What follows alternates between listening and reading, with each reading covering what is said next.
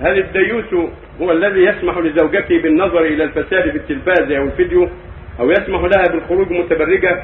أم الديوث هو الذي يقر الزنا في أهله؟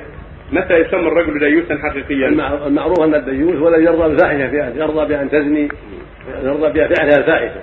هذا هو الديوث اللي يرضى بالمعصية والشر في أهله بالفساد في أهله يقرهم على ذلك وربما دعا إلى ذلك وأخذ عليه الفلوس.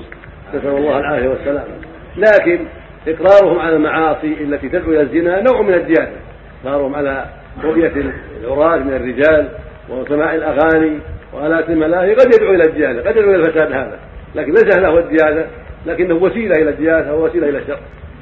نسأل الله العافية. هناك شوارع كثيرة. نعم. حرام عليها الجنة. يروى في حديث النبي صلى الله عليه وسلم. نعم نسأل الله العافية.